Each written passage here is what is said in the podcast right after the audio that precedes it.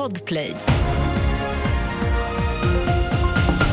Köldsmocka ger stor import av el och Coop-medlemmars personuppgifter på vift handlar om i TV4-nyheterna med Mikael Klintevall i studion.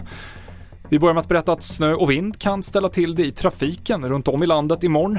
Under morgonen på västkusten, senare på dagen i Stockholm och Uppsala län och längs delar av Norrlandskusten där orange varning gäller för ett område som omfattar bland annat Örnsköldsvik och Umeå där det lokalt kan komma 30 cm snö.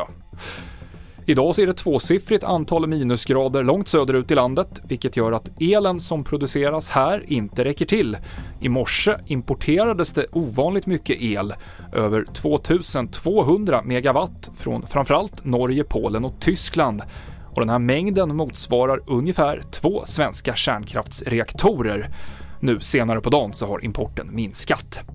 Omkring var tredje gängkriminell har kopplingar till näringslivet, till exempel som styrelseledamot i företag. Det visar en ny rapport från Stockholms handelskammare. Runt var tionde som granskats i den här studien har haft sysselsättning inom samhällskänsliga yrken, till exempel inom rättsväsende, sjukvård och säkerhetsbranschen.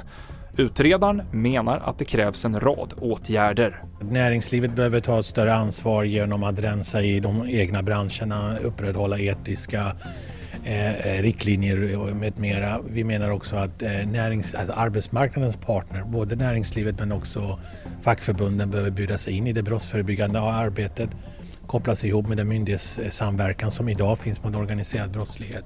Amir Rostami, professor i kriminologi. Och idag så bekräftade Coop att medlemmar och anställda fått sina uppgifter spridda på Darknet. Det var i december som Coop Värmland drabbades av en IT-attack och i samband med den har medlemmars namn, personnummer, mejladresser och eventuellt telefonnummer läckt.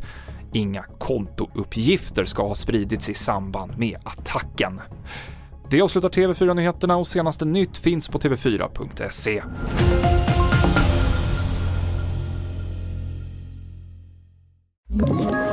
Ett poddtips från Podplay. I podden Något Kaiko garanterar östgötarna Brutti och jag, Davva, dig en stor dos skratt.